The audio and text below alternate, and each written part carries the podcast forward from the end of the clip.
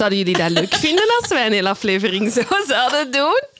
Amai, laat het ons weten, want wie weet hebben we dan iets nieuws. Ik hou dat niet vol, ik ga dat wel eerlijk toegeven. Maar we gaan dat dan ook niet anderhalf uur doen. Nee. Dat is gewoon een, iets anders voor het slapen gaan. Weet je wat het is? Dit is aflevering 120. Wij moeten onszelf blijven heruitvinden.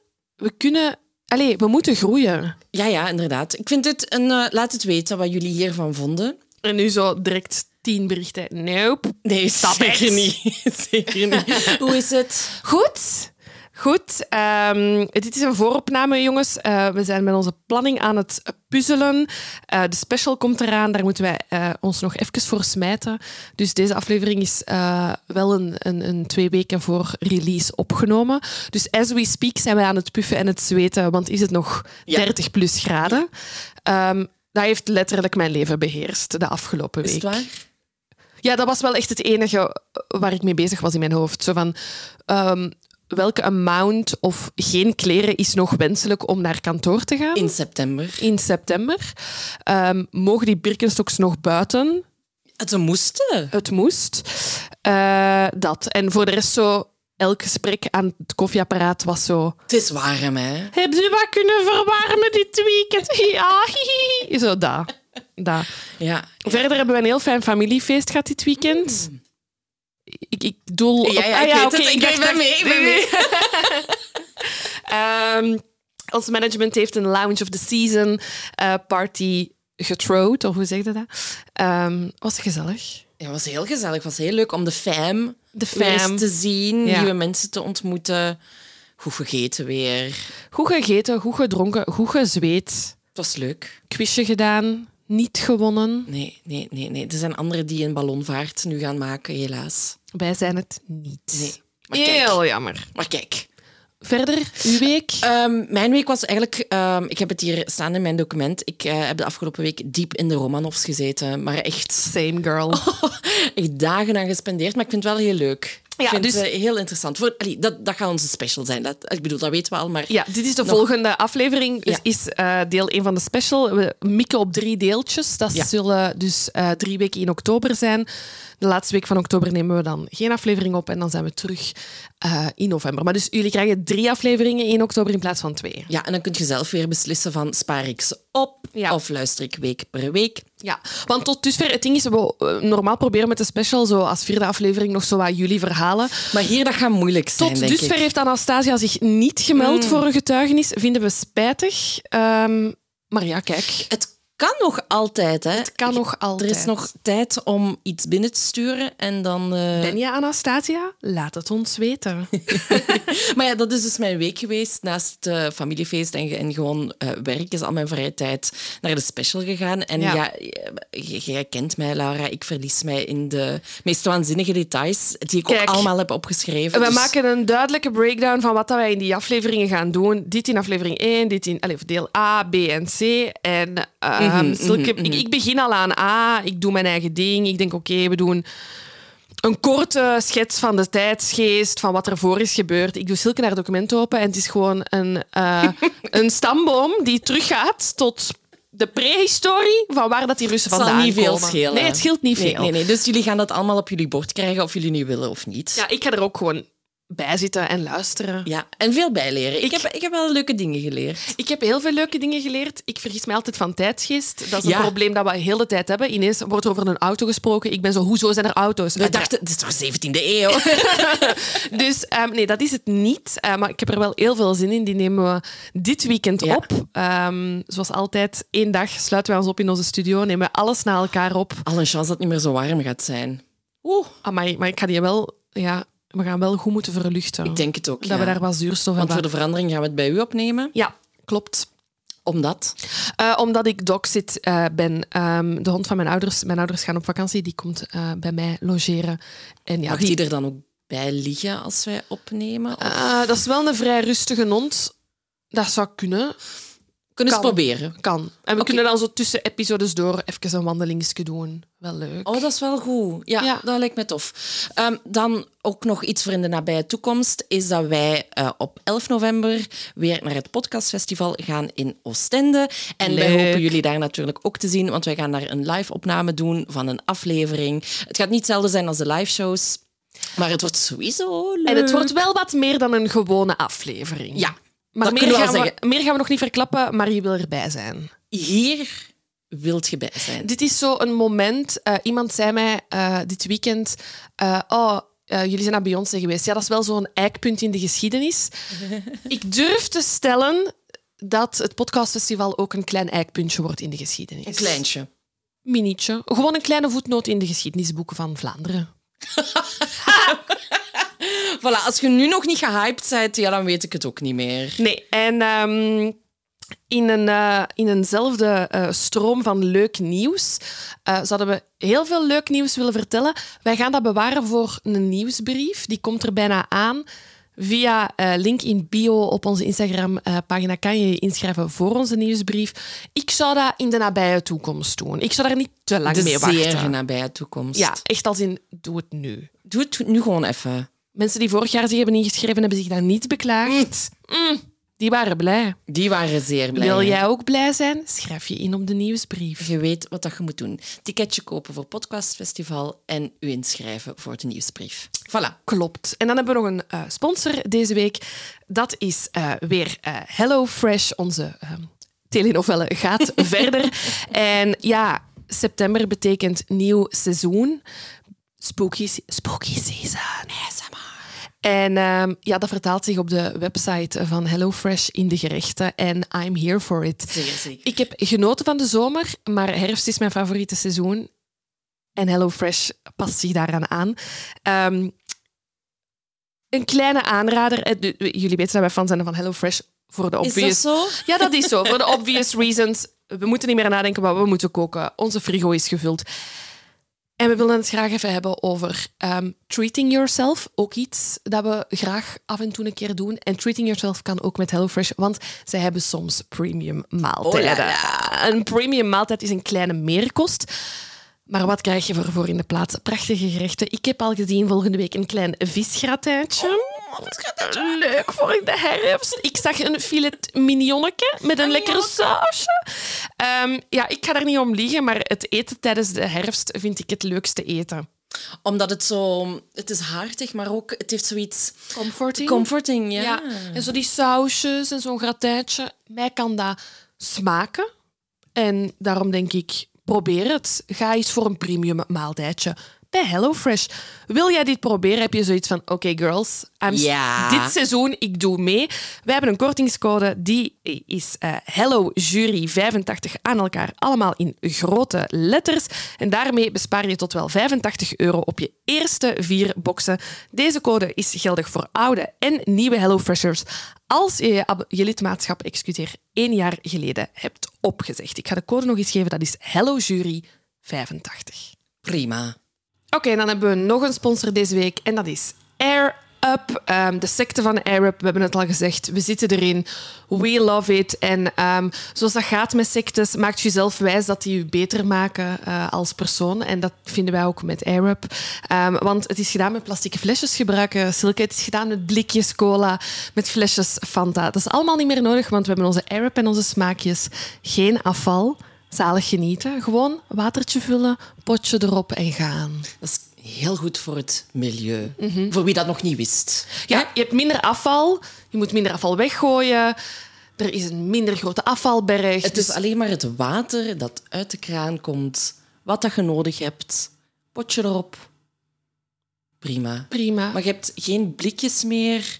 Ja, het is, het is eigenlijk echt... Er wordt zoveel geschrapt, terwijl dat je van je Arab aan het drinken bent. Dus dat kunnen wij alleen maar aanmoedigen. Leven het milieu. We love, we love het milieu en daarom we love. Zeer zeker. Kijk, er zijn alleen maar redenen om er... Allee, nog maar meer redenen om ervan te houden. Hè? Van Absoluut. Welkom bij onze secte. Voilà. Aflevering. Aflevering 120. Kunt je dat geloven? Ik vind dat ehm, nog ehm, imposanter dan 100. Waarom? Ik weet het niet. 120 is zo wow. Wat gaat jij hebben bij 150? Ja, dat, is iets, dat wordt iets Dat speciaals. is ook een klein eikpuntje in de geschiedenis. Dat is ook een klein voetnootje. Je hebt gekozen. Ik heb gekozen. eh, we hebben de laatste tijd weer veel in de auto moeten zitten, naar avondmeetings, eh, onderweg, veel onderweg geweest. En dan luisteren wij alle twee podcasts. Ehm, jullie vertellen ons dat soms van, oh, ik ben gewoon terug opnieuw begonnen aan de podcast. Eh, Ik heb de afleveringen van de Volksjury al twee of drie keer gehoord. Je zou denken dat mensen zoiets hebben van, what the fuck, doe normaal. Maar ik begrijp het, want ik Ja. doe hetzelfde. Ehm, wij zijn grote fan van My Favorite Murder. En ik moet dus, omdat ze elke week wel posten, maar niet genoeg om mijn outfit te vullen, even af en toe teruggaan in de tijd. En ik kwam op een aflevering en ik was dit verhaal totaal vergeten. Ik hoorde het en ik dacht, voor spooky season is deze wel een goeie. Ja, zeker. Alright. Verder wil ik ook zeggen dat toen ik eh, klaar was met mijn voorbereiding en ik aan het fluoriseren was, ik af en toe wel onpasselijk ben geworden. Eh, het is vrij expliciet. Ehm, kan je niet goed eh, tegen bloed en de gedachte daaraan, veel bloed, zijn Kleine voorzichtig. trigger warning. Kleine trigger warning. Alright. Dan gaan we nu naar Florida in de Verenigde Staten. En het is 22 november 1985, half elf 's ochtends. En Thomas Harper, man, zit in zijn... Ik beeld mij een grote pick-up truck in. Die zit daarin driving home. Hij is naar de eh Brico geweest. De lokale gamma, Ja, ja. een gammaatje, Bricootje gedaan. Aan het werken aan een projectje bij hem thuis. Een beetje aan het renoveren. Daar wat aankopen gaan doen. Rijdt richting huis. Ik, sorry, ik zie me dat er gewoon voor dat hij is dan begonnen en, dat, en die klus, het zou mij ook overkomen en dan zo, fuck, ik heb een andere schroevendraaier Ja, nodig. en drie nagels kwijt Ja, of dat. zo. Ja, Ja, ja, ja, voilà. ja, ja. Zoiets. zo voor mij. Ja, en en dan zo ik- vol goede moed zijn begonnen en dan zo, fuck. Dit ontbreek ik, ja. Dus Thomas die zit in zijn pick-up truck, die is juist naar de winkel geweest, heeft dus van oké, let's do this fucking project. En hij rijdt naar huis en aan de kant van de weg ziet hij iets opmerkelijks. Hij ziet in de verte een jonge vrouw staan. Ze is naakt. Het enige wat ze ehm, rond zich heeft gedrapeerd is een kleine handdoek. Die hangt over haar schouders, een beetje tot over haar middel, maar voor de rest is ze volledig naakt. Haar voeten zijn bijeengebonden, haar polsen ook. En Thomas denkt, what the actual fuck?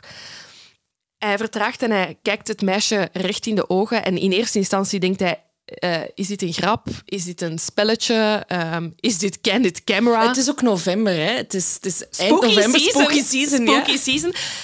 Maar op het moment dat hij haar kruist en haar in de ogen kijkt, ziet hij pure angst in de ogen van het meisje. Ze probeert iets te lippen. Hij kan niet lezen wat ze, eh, wat ze bedoelt. Hij rijdt in eerste instantie verder, maar na een seconde heeft hij zoiets van... Nee, sorry, dit, dit is serieus.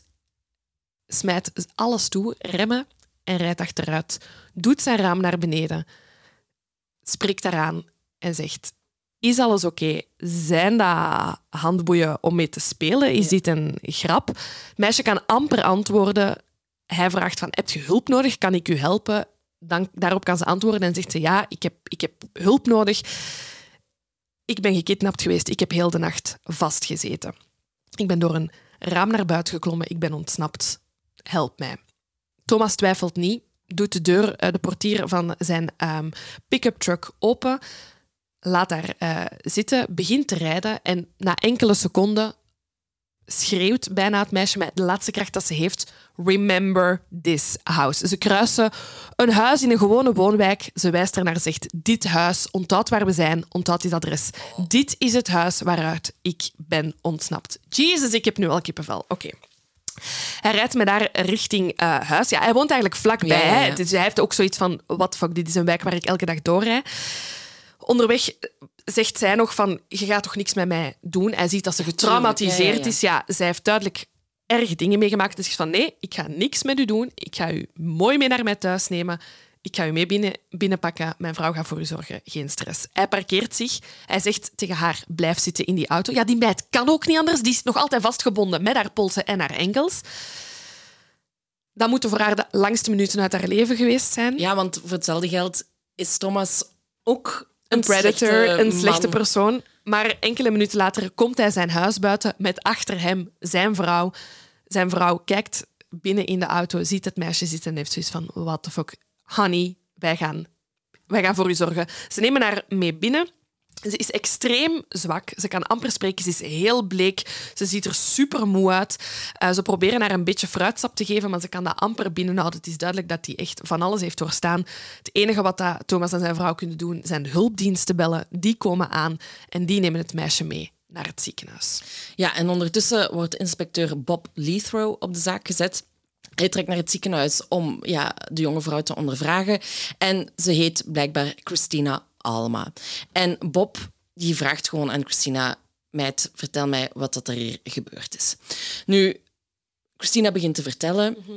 En zegt van, kijk, ze is 19, ze woont in Californië, in Westminster. En we zijn in Florida, dus dat is Best uiteen. best uit elkaar. En uh, in Californië heeft ze de 22-jarige Carl von Bain leren kennen. Goeie naam, wel, vind ik. Ook goed. Dus die heet Carl von Bain en die, zijn bijnaam is Van. Ja, tuurlijk. Maar- uiteraard. Would do the same. Ja, zeker, zeker. Dus vanaf nu is het ook Van, Van, dit verhaal.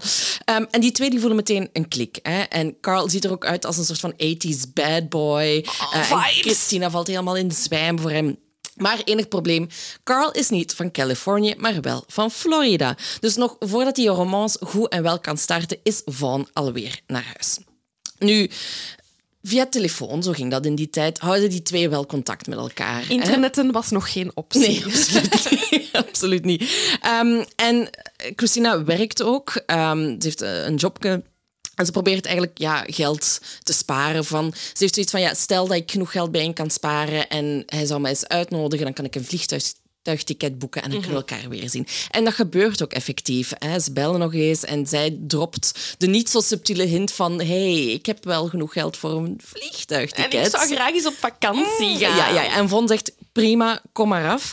En ehm, Christina is ook wel excited, want het zou de eerste keer zijn dat ze alleen zou reizen.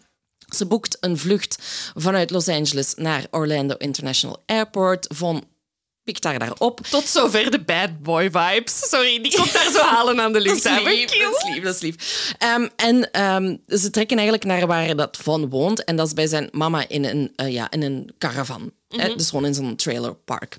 Nu, het enige probleem is, is dat Von ook werkte. Dus wat bleek, ja, Christina zat heel vaak alleen thuis bij die moeder. Dus die begint zich zo wat te vervelen. Die excitement is zo wat weg. En ze beslist eigenlijk de dag voordat ze terug naar huis zou vertrekken om naar Melbourne in Florida, dus niet Australië, maar Melbourne in Niet Florida. mijn Naar. Nou, dus Australië Melbourne. haat ons nu. Maar dus Melbourne, Melbourne, Florida. Maar ik ging nog eh, Australië zeggen. En dat is een paar kilometer van waar dat ze zit met Von. Ze wil daar eigenlijk nog dag gaan zeggen tegen de vrienden die ze daar ondertussen heeft leren kennen. Eh, en ja, Von zit toch maar op zijn werk, dus ze denkt, ik ga daar gewoon naartoe. En ze begint eigenlijk te wandelen. Het is één uur 's middags. Eh, het is de 21 november 1985. En terwijl ze daar naartoe begint te wandelen, begint het ook zo wat te regenen. Ze stopt nog langs een winkeltje om wat sigaretten te gaan halen. En plots stopt er daar een auto naast haar. Ze ziet dat er in die wagen een zeer nette man eigenlijk zit. Ehm, hij had zon- een zonnebril op. Eh, hij had eh, ja, wat blond, langer haar.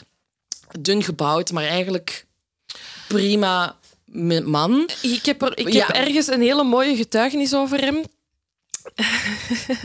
Wacht, hè. ik heb het opgeschreven in het Engels. En dan heb ik het er in het Nederlands. Ik was op zoek naar een goede vertaling voor. Oh, sorry jongens. Sorry voor iedereen die dit moet aanhoren. Oké, dus in het Engels zeggen ze: Most women would found him easy to the eyes. En ik was aan het denken, hoe zou je dat in het Nederlands zeggen? En ik heb als suggestie, dat manneke, dat is gemakkelijk om aan te zien. en ik heb beslist dat ik dat nu ga beginnen gebruiken over mensen. Prima, prima, Harry prima. Styles, gemakkelijk om aan te zien. Oké, we gaan verder. We gaan verder. En, eh, Sorry, ik, wou dat- ik vond dat zo'n leuk uitspraak. en hij, hij, hij komt heel vriendelijk over. Hij rolt zijn raampje naar beneden, want dat deden we toen ook nog. En hij zegt van, kijk, kan ik u een lift geven? En Christina geeft aan dat ze onderweg is naar Melbourne om enkele vrienden te bezoeken. En de man zegt van, kijk, ja, ik moet toch die kant op. Het enige wat ik wel nog moet doen, is een schriftje gaan halen bij mijn thuis voor mijn werk. Maar ik daar eh, en dan zijn we terug verder op weg. Ja. Ze stapt in. Ze heeft eerst nog wel wat twijfels. Ze denkt van, ja, moet ik wel bij deze man in de eh, auto stappen? Maar ze denkt, kom, het is hier aan het regenen. Het is mijn laatste dag. Ik ga, ik ga ervoor gaan. Ehm, ze stapt bij de man in de wagen en zoals afgesproken eh, rijdt hij richting zijn woning. Ze rijden een hele rustige woonwijk binnen. Allemaal mooie alleenstaande woningen met grote opritten, verzorgde tuinen. En hij rijdt zo'n huis eh, Ja, het heeft zo ook vier witte zuilen. Aan de voorkant. Het is echt zo'n koloniaal Ja, ze huis. beschrijven het als een colonial Ja. house.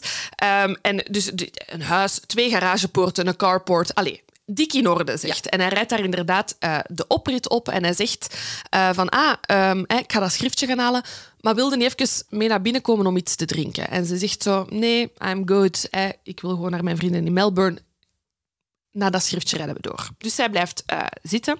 En enkele minuten later komt hij al lachend naar buiten. En zo wat beschamend zegt hij tegen haar: Ja, dat schriftje ligt niet binnen. Ehm, dus ik ga even van achter in, op de achterbank eh, in de auto kijken. Misschien heb ik het daar ergens eh, laten liggen. Dus hij doet de portier achter haar open. Ze hoort wat gerommel. En plots voelt ze dat ze naar voren wordt geduwd. Voelt ze iets rond haar nek. En wordt ze gewurgd. Ja, ze, ze weet ook niet waar, waar, wat daarover komt op dat moment. En ze ziet wel zo nog een, een busje insectenspray liggen. Ja, En ze wil dat gebruiken om in de ogen van die man te spuiten. En hij zegt, niet doen of ik vermoord u. Ja. Ze wordt gewurgd, ze verliest het bewustzijn, ehm, alles wordt zwart en wanneer ze haar ogen terug opent, zit ze niet langer in de auto, maar ligt ze op een keukentablet.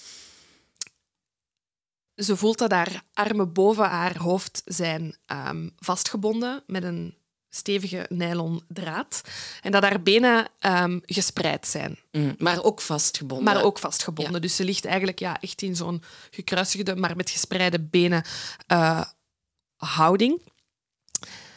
Ze ruikt een zeer onaangename geur. Ze kan het niet echt plaatsen. Ze probeert een overzicht te krijgen van de ruimte.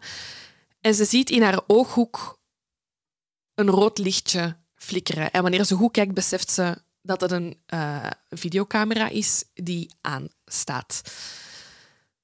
Ze voelt dat de man, met wie dat ze daar straks in de auto zat, boven haar gebogen staat. Hij is naakt. Zij herkent een zilveren ketting rond zijn hals.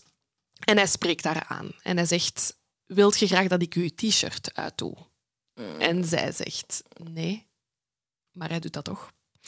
En vervolgens vraagt hij, "Wil- zal ik uw broek uitdoen? Opnieuw, het is niet wat ze wilt, maar hij gaat verder.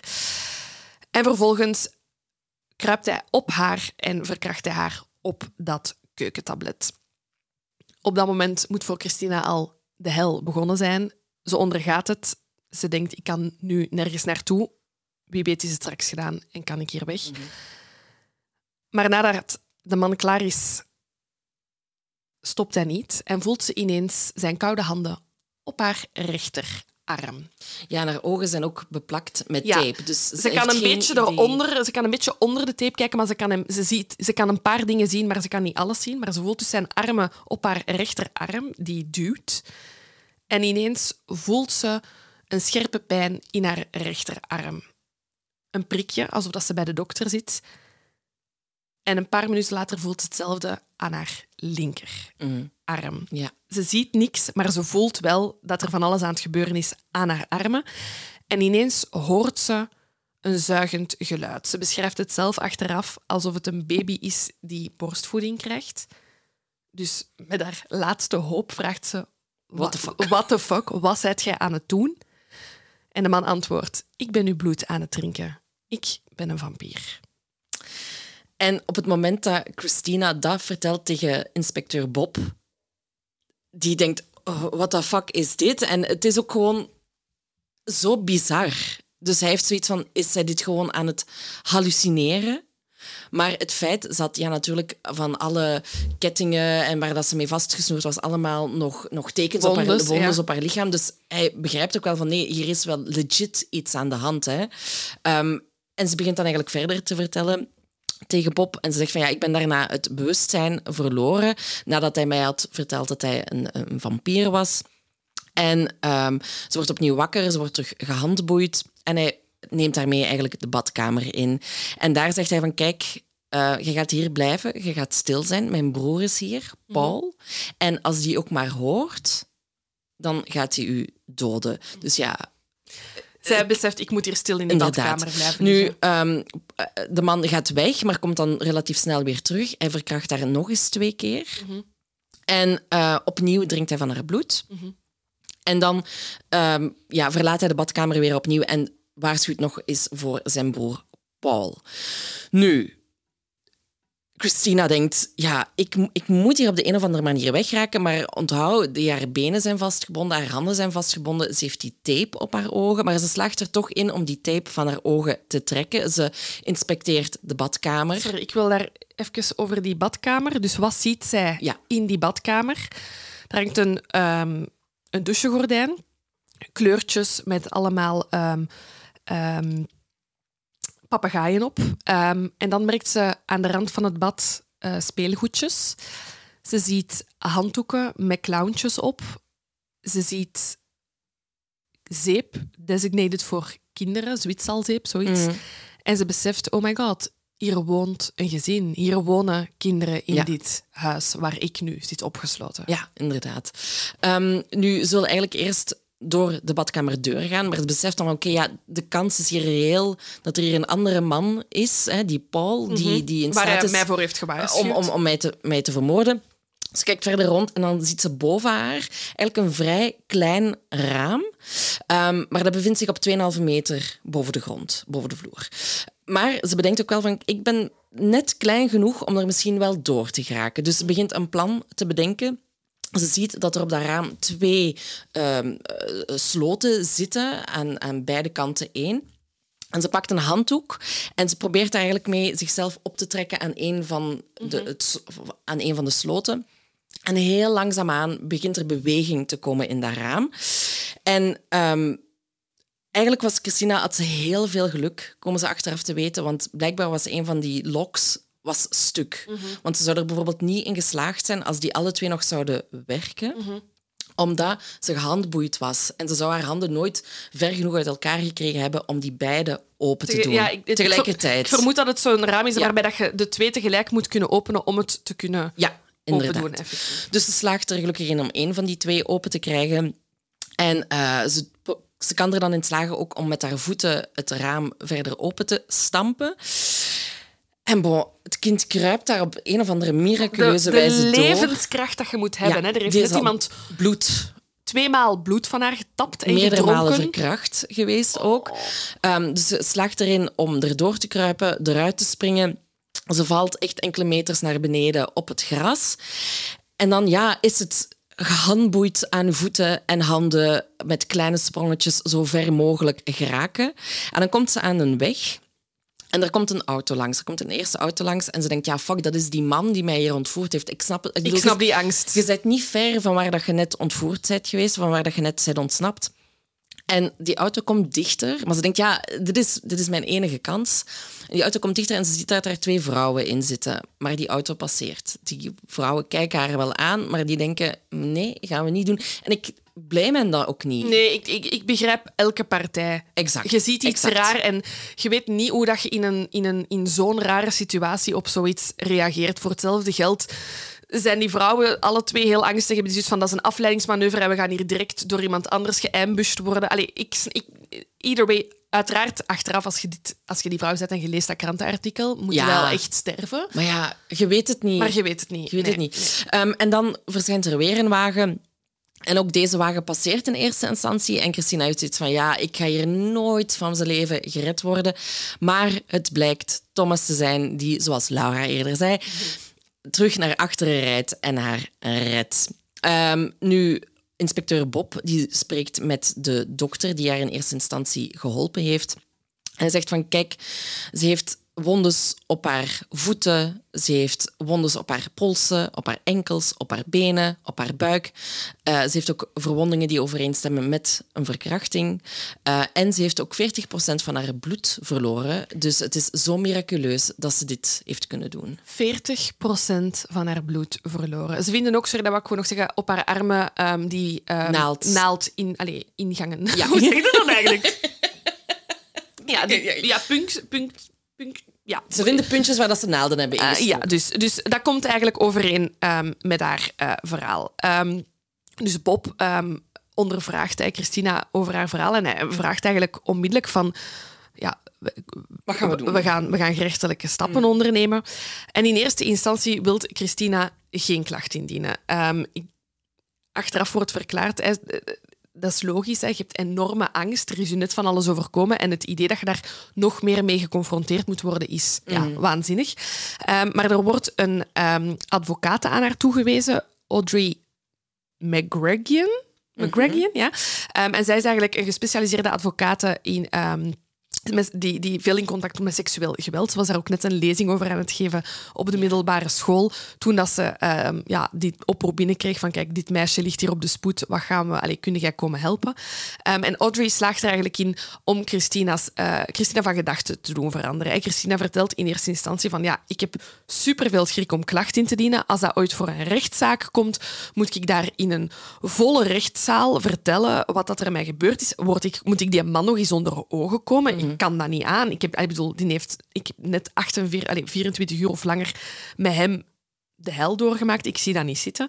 Um, maar Audrey heeft, daarop, heeft daar dan toch kunnen overtuigen door haar te doen inzien van kijk, als jij nu geen klacht indient, dan gaat dit onderzoek gestopt worden. En dan kan die man hetzelfde doen met andere vrouwen. Mhm. Dan stopt zijn, zijn pad hier niet. Um, en dat heeft Christina dan overtuigd van om toch ja, klacht, klacht in te dienen. Ja, en we weten nog dat um, Christina ook nog wist welk huis het was. She's a true, true crime girl. Ja. Het feit dat dat het eerste met de laatste krachten dat ze heeft is wat dat je zegt, onthoud dat huis. Ja, want in, in, jij hebt zoiets van, ik wil hier zo snel mogelijk weg. Maar om dan toch nog te kunnen zeggen tegen iemand die de omgeving kent... Want achteraf... je vindt dat, nooit terug. Die vindt dat niet meer. Die is niet van daar ook. zij, is van, zij is van Californië, dus zij had nooit die weg teruggevonden. Nee, exact. Dus, en ze komen erachter dat het huis toebehoort aan een getrouwd jong koppel, John en Karen Crutchley. Nu, op 23 november, uh, dat is uh, één dag later krijgt de politie al een huiszoekingsbevel en ze gaan erop af. En ze komen daar binnen en ze zien eigenlijk, ja, dat is een heel normaal huis waar dat zij ook zouden kunnen wonen, waar dat ze ook kinderen zouden kunnen rondlopen. Ja. eigenlijk niks aan de hand. En ook, eh, misschien was dat daar straks niet echt duidelijk, maar dit is een zeer welgesteld huis. Hè. Dit, dit zijn mensen met... garagepoort, het zou wel zijn. Dit zijn mensen met, met geld. Hè. Er is blijkbaar ook een zwembad, een jacuzzi. Ik bedoel, dit zijn rijke mensen. Dit zijn een rijk gezin in 1985 in Florida. Ja, en de politie heeft zoiets van... Hoe kan hier een vampier aan het werk zijn? Um, dus John Crutchley is thuis en hij wordt geboeid aan tafel gezet. En John zegt eigenlijk onmiddellijk dat hij weet waarom dat de politie daar is. Maar dat het meisje het allemaal wou. Hij zegt, kijk, zij is wakker geworden en zij wou iets freaky doen. Dus ja, wat heb ik gedaan? Mijn IV-naalden genomen en natuurlijk heb ik haar... Uh, wat, heb ik wat bloed afgenomen bij haar. Ja, echt totally obvious dat je dat dan doet. Ja. Um, hij zegt van, kijk, ik ben de volgende dag ben ik uh, naar mijn werk vertrokken rond, rond acht uur s ochtends. Ik heb daar een meeting gehad. Dus ik heb dat meisje ja, gewoon in de badkamer gezet, zoals je dan doet. Hè? Echt zo American Psycho vibes. Oh Echt zo van, ja, even uh, iemand kidnappen, verkrachten en bloedzuigen. Maar ik heb nu een meeting, dus ja. bye. Heel raar. ja, hij, heeft, hij, heeft, hij, zegt ook van, zij heeft tijdens, zij, zij heeft uh, gelift. Hè. Hij zegt, ik heb haar niet opgepikt. Zij heeft gelift. Um, en ze zat één minuut in mijn auto en ze zei, um, ik ben een heel verlegen meisje, maar met u wil ik seks hebben. Dat was het eerste gesprek dat, het, dat zij met hem Heel zou zijn, zijn aangegaan. Ja. Nu, hij heeft dan die meeting gehad. Hij komt thuis voor de lunch om even te checken hoe het met haar gaat. En ze was weg. Nu, toen ik daarachter kwam, zegt hij, ben ik helemaal gefreakt. Um, ik heb eigenlijk de videotape verwijderd. Um, ik heb haar kleren weggepakt. Ik heb de IV-naalden weggegooid. Um, ik heb al het bloed weggedaan. en ik heb, ja, ik heb het gewoon ergens weggegooid. Ja. En terwijl die uh, politieinspecteurs naar zijn verhaal aan het luisteren zijn, kijken zij rond in het huis. En Christina heeft natuurlijk in haar verklaring een zeer uitgebreide beschrijving mm. gegeven van het huis, hoe het huis eruit zag, hoe de badkamer eruit zag. Alles wat dat ze heeft kunnen waarnemen, ondanks dat ze geblinddoekt was. En dat begint hen te dagen dat dat klopt tot op de letter. Ze kan kasten beschrijven, die indeling van het huis, de badkamer. Dus die beseffen, ja, dit is de juiste persoon. Dit is, dit is geen fictie. Dit mm. is aan het gebeuren. Ja, en ze doen dan, ja, ze gaan eigenlijk van kamer tot kamer. Hè. Dat is een huiszoekingsbevel, dus ze kunnen dat helemaal doorzoeken. En ze zien daar eigenlijk van alles liggen, waaronder dus uh, videotapes, uh, nylon, nylon, nylon, Beiden. Beiden draden. een videocamera. Allemaal materiaal inderdaad om uh, zo bloed mee af te tappen. Super Fucking hell. Um, ze vinden ook um, haar... Uh, Rekkertjes. Haarrekkertjes, inderdaad. Uh, ze vinden ook wat marihuana en heel veel verschillende ID-cards. Ja, ze vinden ook een uh, grote zak gevuld met uh, kettingjes en uh, medaillons van vrouwen. Um, en ze zien ook een kast staan waar dat de juwelen van mevrouw John Crossley zijn uitgestald. Maar daar vinden ze die zak niet. Ze vinden die zak met die vrouwenmedaillons, kettingsjes, ergens goed weggestoken, verstopt. En ze beginnen te beseffen van ja...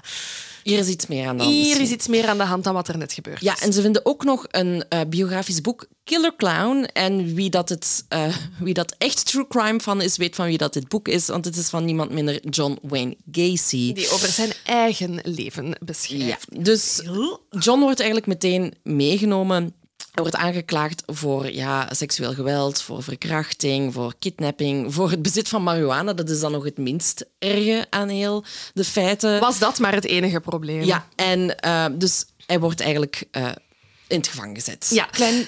Een kleine short notice. Hè. Dus deze ondervraging gebeurt eigenlijk heel de avond, de 23e. Um, en um, na vier uur willen zij meepakken.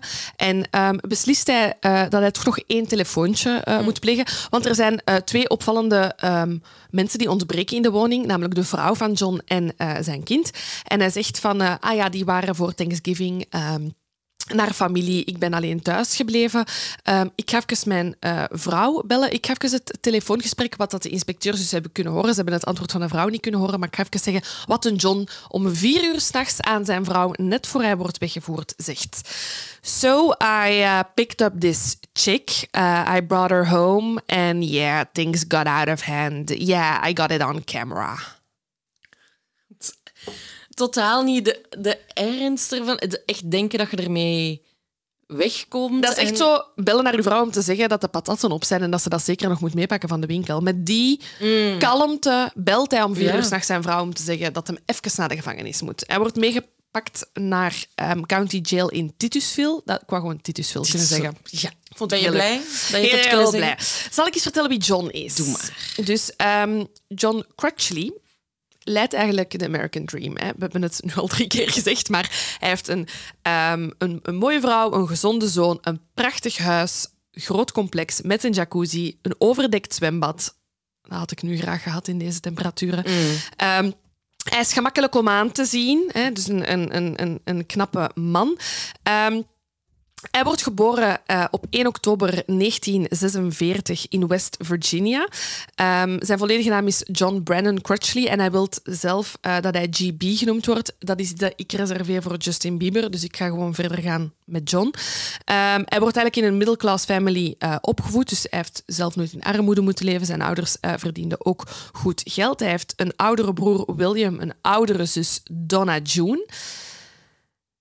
Maar daar gebeurt iets mee. Donna June komt te overlijden op vrij jonge uh, leeftijd. Ze is 13. Ze is 13. Ze wordt um, eigenlijk met spoed naar het ziekenhuis gebracht, uh, waar dat ze allemaal uh, symptomen van een infectie vertoont en um, waaraan ze dan ook overlijdt. En er wordt in haar vagina iets teruggevonden.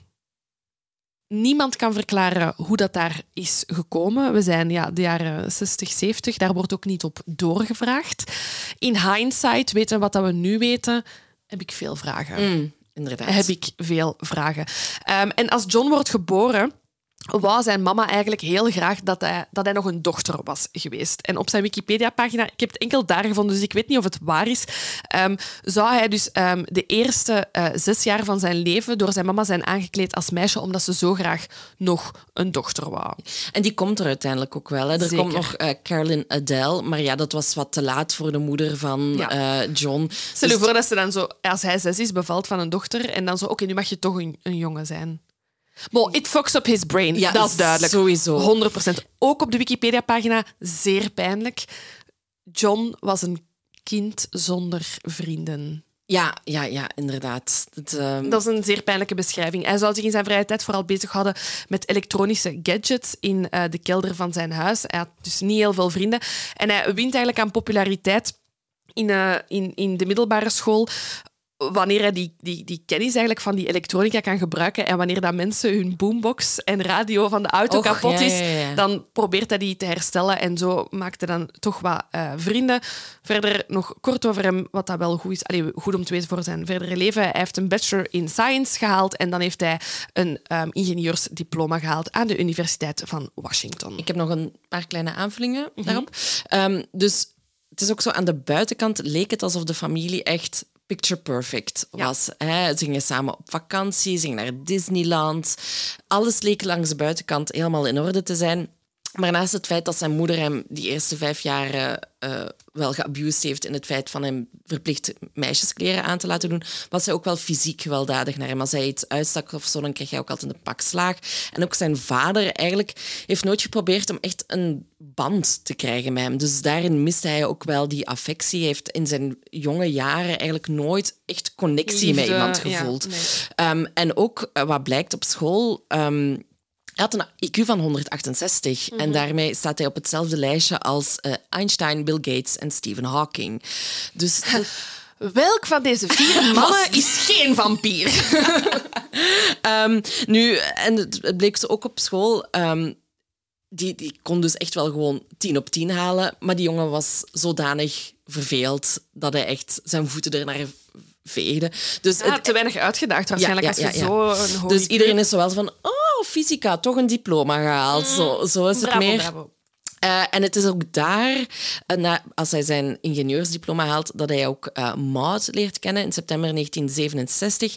En ze trouwen, maar eigenlijk houden ze helemaal niet van elkaar. Ja, oké, wat een surprise. Ja, en ehm, ook op zijn werk, hij gezegd van ja, in zijn jonge leven had hij geen vrienden, maar ook op zijn werk viel het. Ja, ja, hij leerde wel mensen kennen, maar dan was er altijd wel ergens een conflict of zo, waardoor dat mensen toch altijd zoiets hadden van rare snuiter. Het was altijd awkward. rare snuiter. Toch een beetje wel, ja. Het was awkward, oncomfortabel. En ehm Maud zal laten verklaren dat haar man eigenlijk, ja bepaalde seksuele impulsen had die nogal explosief en onverwachts waren altijd. Mm, Bloed aftappen van iemand en dat dan lurken is inderdaad apart. Ja, en ze scheiden dan uiteindelijk. En eh, niet veel later, in 1972, eh, gaat John samenwonen met een zekere Lisa Baker. En ondanks dat die relatie ook spaak loopt, is dat eigenlijk de eerste persoon zelfs met wie hij echt een emotionele connectie voelt. Eh, wat Ja. dat die blijkbaar deden, was superveel Uno spelen. Nu maak ik me zorgen over mijn vriendschappen, want ik speel ook wel echt heel graag Uno. Ehm, Ja, dus, dus En wat opvallend is, is want ze gaan uit elkaar, maar ze blijven wel eh, connected of Ja. zo. Ze blijven bevriend op een zekere hoogte. Ja, en dan na eh, Lisa ehm, zijn er ook nog een bepaald aantal verpleegsters wie hij date. Zeggen we dit? Nee, oké. Ja, we zeggen het. We zijn We zeggen bezig. Ja. Dus en, en, en een van die verpleegsters is wel into vampirism. Dus het is via een van... Het is ook een ding, hè? Ja, in die tijd. Ja, Je, Ja. met de- je zit daar ongeveer ook met de Satanic Panic, denk ja, ik. en zo. ja, ja, ja. Ehm, dus zij introduceert hem in hoe dat hij ja, bloed moet aftappen bij iemand. Welke, welke, welke dingen hij moet gebruiken om dat te doen. En zij introduceert hem ook in het spiru- spirituele aspect daarvan. En hij wordt er meteen toe tot aangetrokken. Het, het wint hem zelfs ook heel erg op, seksueel gezien. Dus John is vertrokken met vampirisme. Hij is een vampier. Ja, en dan in eh, 1980 trouwt hij uiteindelijk met de vrouw naar wie hij het telefoontje deed. Dat is Karen White Lully. Maar ook hier, hij houdt niet van haar. Maar toch, ja, dat is dan waarschijnlijk van... Hij maakt er wel een kind mee. hij maakt er een kind mee, Jason. En ik denk, ja, dat is omdat je dan toch ergens ja, het perfecte plaatje ook wilt hebben. Hè? Ha, ik denk, hij is... eh, eh, Dom is hij niet, dat weten Nee. wij. Hij is hoog intelligent. En ik denk dat hij wel weet aan welk plaatje hij moet voldoen. En dat, wel, hij, dat, dat hij zoiets heeft van, ja, dit moet ik invullen. Ik, moet een, ik heb de capaciteit om een groot huis, een mooi gezin... Dit moet ik Ja. volbrengen of zo. Ja, ja ah, wel, maar dat denk ik dus ook inderdaad. Ja. Ehm, nu, we weten dat hij als ingenieur, hij heeft zijn diploma, hij werkt ook als ingenieur bij verschillende bedrijven, eigenlijk verspreid over heel de Verenigde Staten. En uiteindelijk in 1983 verhuisde ze dus naar Malabar, Florida, waar dat Christina ontvoerd was geweest. En hij werkt daar op een gegeven moment voor de NASA. Dus dat is wel eh, een coole job, als het ware. En hij krijgt ook echt ehm, top secret security clearance bij het Pentagon. Ja. Dus die heeft echt wel toegang tot zo geheime documenten en Ja, zo. achteraf wordt dus duidelijk dat hij inderdaad tot heel veel classified informatie, ja, dat dat beschikbaar was voor hem. En dan denk ik, wat de fuck had hij nog allemaal kunnen doen? is dat, het is dat. Heel eng. Maar zo begint dus voor hem zo zijn suburban life, hoe dat jij zijn bio bent begonnen. Dus hij zag er gewoon een gelukkige man uit die succesvol was, the guy next door, als het ja, ware. ja.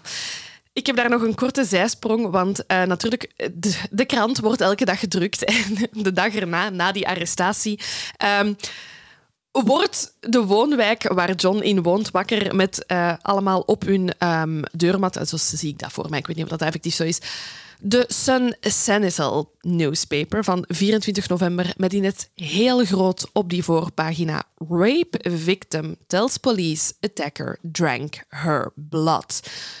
Die buren hebben echt zoiets van, what the fuck. Hè? Iedereen getuigt van, maar ik ben zo verbaasd dat dit gebeurd is. Het is hier, deze wijk is super rustig. Hier wordt zelfs niet ingebroken. Iedereen living his Altijd life. zo, hè? Dat zou hier nooit gebeuren. Nee, inderdaad. En dan, ik heb één quote van een buur ehm, die ook in de krant ehm, de dag erna wou getuigen. ik ga het in het Engels voorlezen. Eh, en hij zei van, ja, ik had het ook niet zien aankomen. I thought he was quite a decent, respectable fella.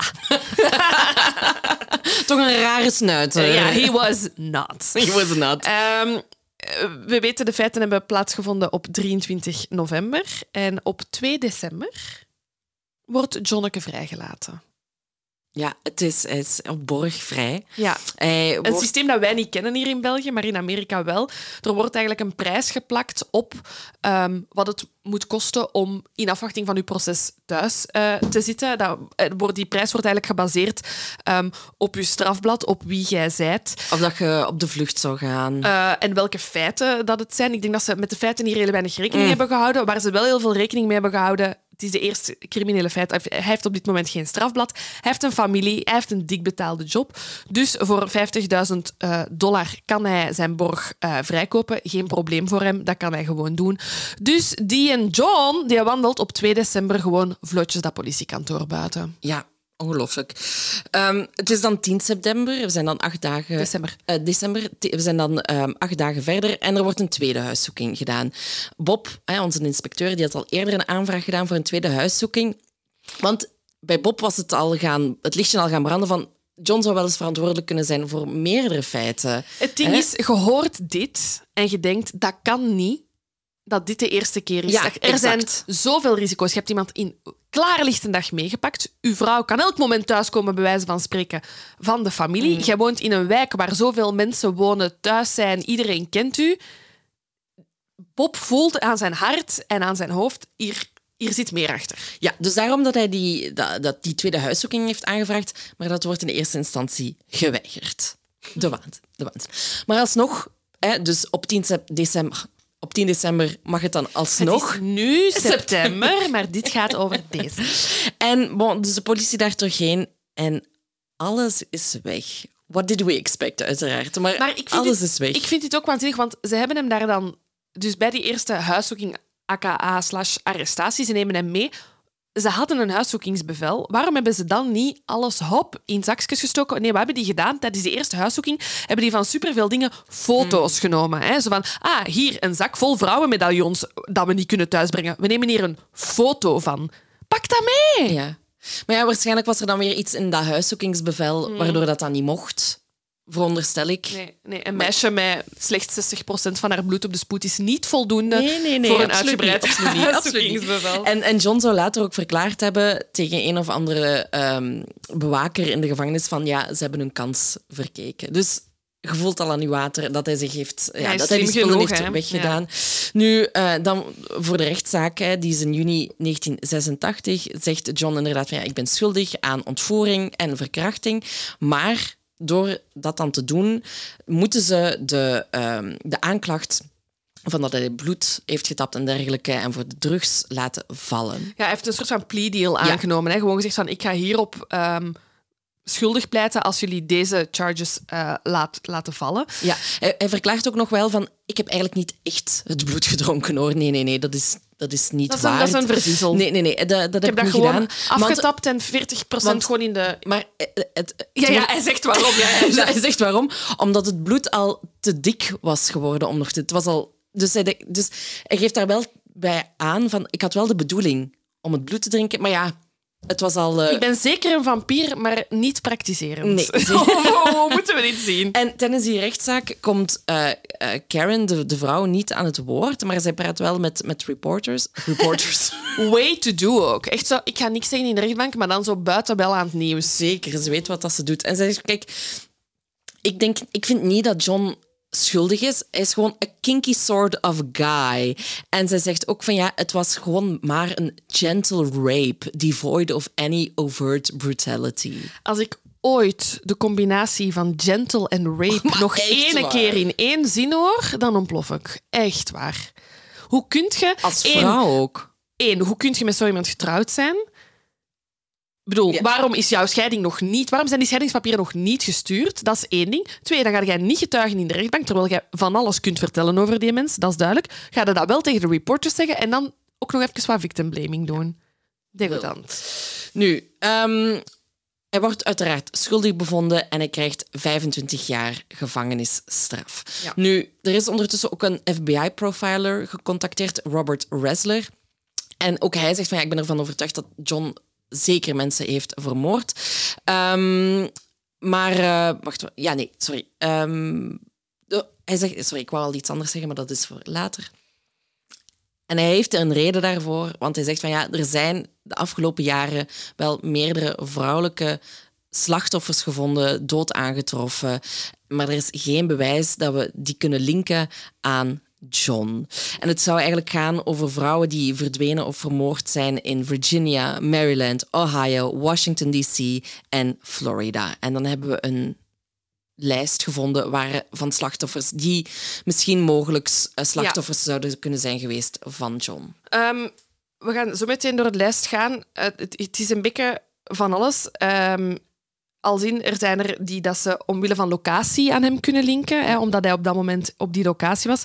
Er zijn er die dat ze kunnen linken omdat er bij hem thuis... ehm, ze hebben de kaarten dan niet meer teruggevonden, maar ze hebben er wel foto's van heel veel vrouwelijke eh, identiteitskaarten. Nee, de identiteitskaart is niet vrouwelijk. De identiteitskaart van vrouwen.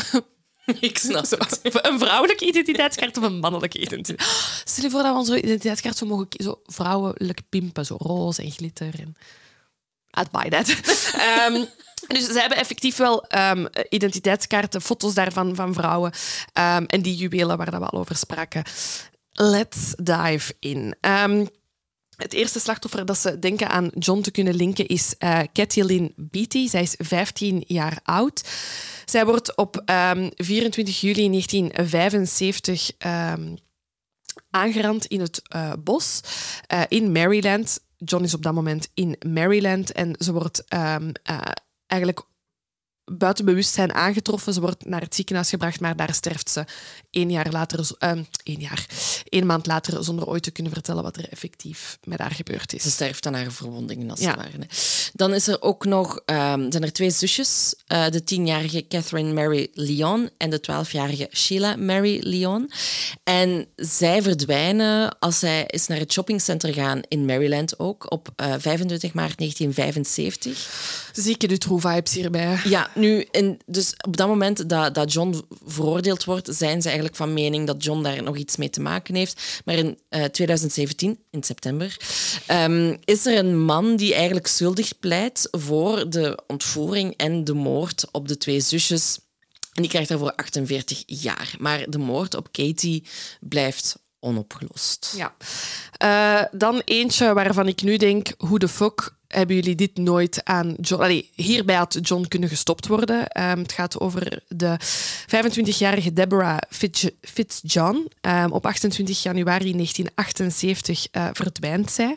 Ehm, en hoe komt het dat John hieraan gelinkt kan worden? He was her boyfriend. Ehm, hij is ook de laatste persoon die haar levend heeft gezien. Hij zegt, ja, inderdaad, ik was die avond eh, bij haar. We hebben samen een filmpje gekeken. Maar ik ben in slaap gevallen en toen ik wakker werd, was zij ineens weg. Ehm, bij de huiszoeking in eh, 1985 wordt er in de portefeuille van John een eh, businesscard van eh, degene die dat de zaak eh, van eh, de vermissing van Deborah aan het onderzoeken was, teruggevonden in zijn portefeuille. Is het een soort van memorabilia dat hij dat wou bijhouden? Ehm, hiervan kunnen we vrij zeker zijn. Bedoel, we weten hoe gewelddadig hij eh, was op seksueel vlak. Zij is nooit teruggevonden. Ehm, maar ik denk dat deze we zeker aan John kunnen toeschrijven. Denk het ook, ja. Dan is er nog de 29 29-jarige Patty Lou Volensky. Zij is eigenlijk ook voor het laatst gezien door een uh, roommate tussen half vijf en half zes uh, s avonds op 15 maart 1985. Patty besliste ook op dat moment om te gaan liften in Florida. En sindsdien is ze eigenlijk nooit meer gezien. Nu, John is ook een verdachte in die zaak, omdat bij hem thuis ook de identiteitskaart van Patty is ontdekt. Maar hij heeft daar een goede reden voor, hè, Silke? Ja, hij zegt van, kijk, ik heb haar inderdaad opgepikt. Ja, ik, ben haar... ook weer de laatste persoon die haar heeft gezien. Ja, mm -hmm. exact, exact. Uh, zes maanden voor zijn arrestatie in 1985. En kijk, zij zegt van ja, ik heb haar meegenomen, maar ze had wel echt rare eisen, dus ik heb haar terug uit mijn wagen gezet. En de volgende dag, heel toevallig, heb ik haar identificatie, haar, haar idee gewoon gevonden in mijn wagen. En ja, ik heb die dan maar bijgehouden. Dus dat is zijn verklaring en het lichaam van Patty is nooit gevonden. Ook goed, hè? dus dan houd je die identiteitskaart bij. Je hoort dat dat meisje vermist is en ja. ja. je denkt dan niet dat je dat naar de politie moet brengen. Because you're the fucking murderer! Oh, sorry. We gaan verder. Um, er werden um, van nog verschillende vrouwen identiteitskaart gevonden. Eentje daarvan is van Nancy K. Brown. Zij is 25 jaar oud. Zij is verdwenen toen zij op vakantie was in Florida in 1983. Haar lichaam werd teruggevonden in Canaveral Groves. Um, ze kunnen nog opmaken dat ze is gestorven van een uh, klop op het achterhoofd, uh, maar ze hebben nooit kunnen achterhalen wie haar moordenaar was. Maar haar identiteitskaart lag wel bij John. Ja, en dan op 1 mei 1984 zijn er mensen die op een boot zitten die opeens een uh, lichaam zien drijven. Zien drijven. Ja. Sorry, ik dacht dat je nog iets zou zeggen. Nee, nee, nee, nee. ik was vol passie naar okay. u aan het kijken. Um, dus ze zien een, een, een, ja, een lichaam van een vrouw dus drijven in het water. En dat lichaam wordt geïdentificeerd als de 16-jarige Cheryl Ann Windsor, die door haar moeder als vermist was opgegeven op 7 april 1984. Um, en ook haar identiteitskaart is uh, aangetroffen bij John, als ook de identiteitskaart van de 20-jarige Diane Lee Casey, waarvan haar restanten zijn gevonden uh, in 1984. Ja. En we zijn er nog niet. We zijn er nog niet, jongens. Buckle up. Um, op 30 januari 1985 worden 23 um, beenderstukken uh, teruggevonden die ze kunnen splitsen in uh, twee vrouwen in Florida. Um, en een deel van um, het skelet dat ze vinden kunnen ze linken aan uh, Kimberly Ann Walker, 21 jaar, afkomstig uit Florida. De andere uh, vrouw kunnen ze niet identificeren. Ze weten wel dat het een vrouw is. Doodsoorzaak niet uh, gekend. Van Walker weten ze uh, dat ze in juni 1984 het laatst werd gezien toen dat ze in een lichtgekleurde kleine auto is gestapt aan een supermarkt. We, ze kunnen achteraf nagaan dat John op dat moment een beige Nissan ja. reed, dat daarmee rondreed. Um, dan uh, in 1985 wordt nog het ja, ontbindende lichaam uh, gevonden van uh, de 40-jarige Lynn Kay DeSantis, die ook ja, gevonden wordt ergens in een gracht naast de weg in Florida. En ook zij werd het laatst gezien terwijl dat ze aan het liften was. En ja, ook haar identificatie wordt uiteraard gevonden in John zijn bezit. Ja, en dan zou je denken, um, John doet dit in zijn... Hij is een vrije tijdsvampier, um, maar hij gaat verder dan dat. Want um, in de tijd dat John aan het uh, werk is in wacht, hè, Norfolk, Norfolk Naval Air Station worden er twee vrouwen op die basis vermoord. Dat zijn Pamela Ann Kimbrough en Carol Ann Molnar.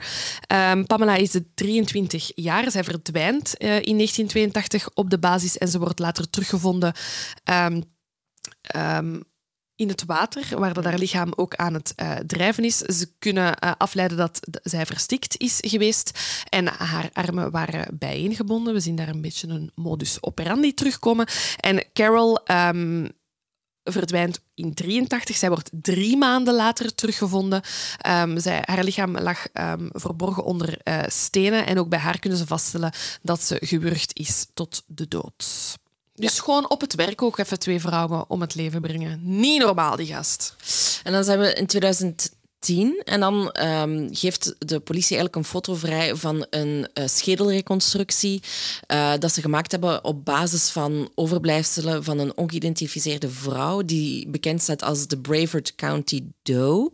En haar restanten zijn eigenlijk gevonden door twee jagers ergens uh, ook in Florida op, uh, ja, in 1985, niet ver van het huis van John. Voor wie dat de, de tel kwijt was, we zitten aan 14 slachtoffers los van Christina. Ja, maar ze kunnen allemaal dus niet officieel gelinkt worden aan hem. Dus hij is daar ook nooit voor veroordeeld geweest.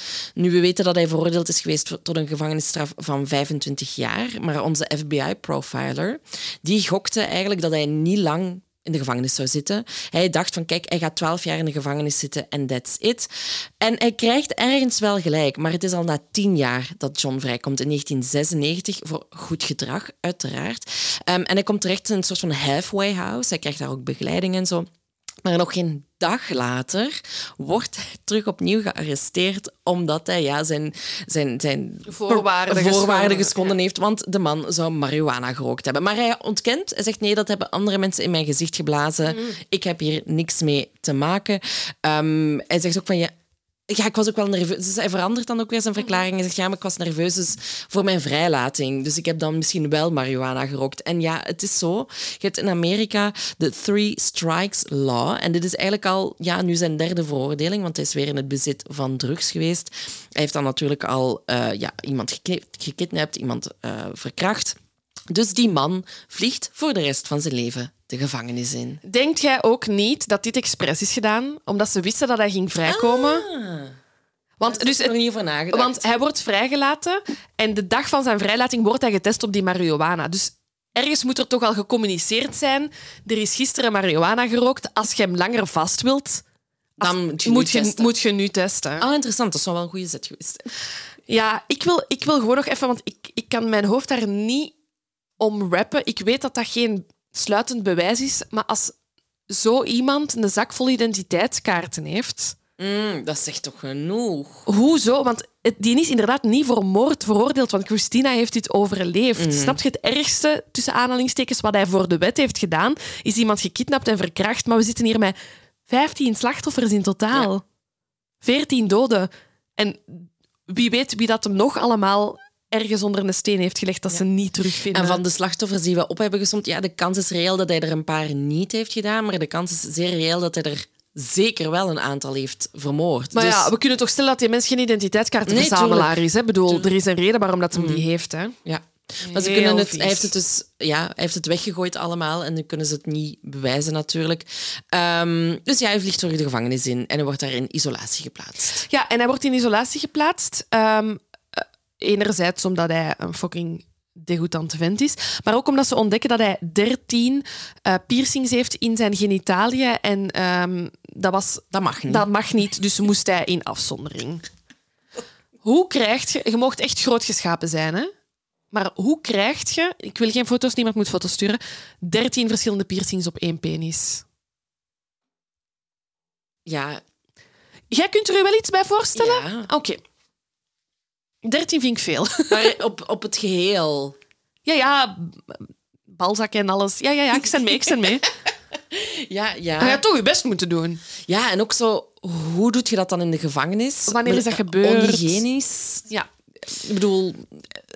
Goed, het beste nieuws van de avond. 30 maart 2002. John sterft in de gevangenis. Het is ook een heel bijzondere manier waarop mhm. hij sterft natuurlijk. Want ze treffen hem aan met een plastieke zak over zijn hoofd. Dus die mens heeft eigenlijk voor zijn seksuele plezier een zak over zijn kop getrokken, um, is daar te ver in gegaan en heeft zichzelf gestikt, eigenlijk als het ware, om ja, daar arousal uit te krijgen. Mm -hmm. Het is goed. Het is goed zo. John, het is goed zo. Ja. We gaan het hierbij houden, John. Zeer bizar verhaal. Ja. En ik ben ook wel zo ik ga wel mogelijk deep diven in vampirisme. Zeker. Ik vind het een heel interessant gegeven. Ja. Want ik, er is, voor mij is er niks zo goor als zo gesnijd in je vinger en je bent aan het lopen naar de pombak om daar een plak mm, rond te doen en, dan, dan stopt je dat in je mond, want je wilt niet dat dat... Ja, dat is goor. Dat is goor, ja. Die man zuigt aan, buis, allez, aan, aan tubus bloed. Maar, maar mag niet gestold zijn. Maar ook, allee, sorry, bloedstroom, eer, eer dat dat stolt, moeten echt al lang aan het wachten zijn. Zou die dan zo gelijk... Heb je ooit True Blood gekeken? Jazeker. Millennial chicks. Eh, Kijktip van de week. je dan nog wel eens, je dat al nog eens opnieuw gekeken? Dat is Nee. niet zo goed als je denkt. Nee, dat ik, ik kan me wel iets bij maar die hadden toch zo bloedflesjes in de frigo staan Ah, dat is dan. juist, ja. Heel goed. Ah, dit is misschien een goede tip. True Blood. Ah ja, goed, ja, perfect. Ja, voilà. Deze. Dus jullie weten dit uiteraard al, want wij posten dit dan later. Maar voilà, dat is een goede tip. Ja, absoluut. Ja. Oké, dat was hem voor nu. Zaak. welcome to spooky season. En eh, binnenkort naar eh, 1800 en zoveel. Maar ja, bij mij nog een iets diepere dive. Ja. Daarvoor de prehistorie volgens Ja, Laura. 400 BC. Daar starten we ongeveer. Dat is ongeveer Met de Romanovs. voor, voor Silke van den Broek. Ehm, verder, don't be a vampire als je partner dat niet wilt, jongens. Nee. Doe het niet. Maar als je, hè, doe dat vooral niet. Maar wat dat je wel moet doen, is dus een ticket kopen voor het podcastfestival en je inschrijven op de nieuwsbrief. Dat wel. Dat zijn de twee dingen die je deze maand moet doen. Welke maand zijn we deze maand? Eh, september. Goed gedaan. Bye! Doei!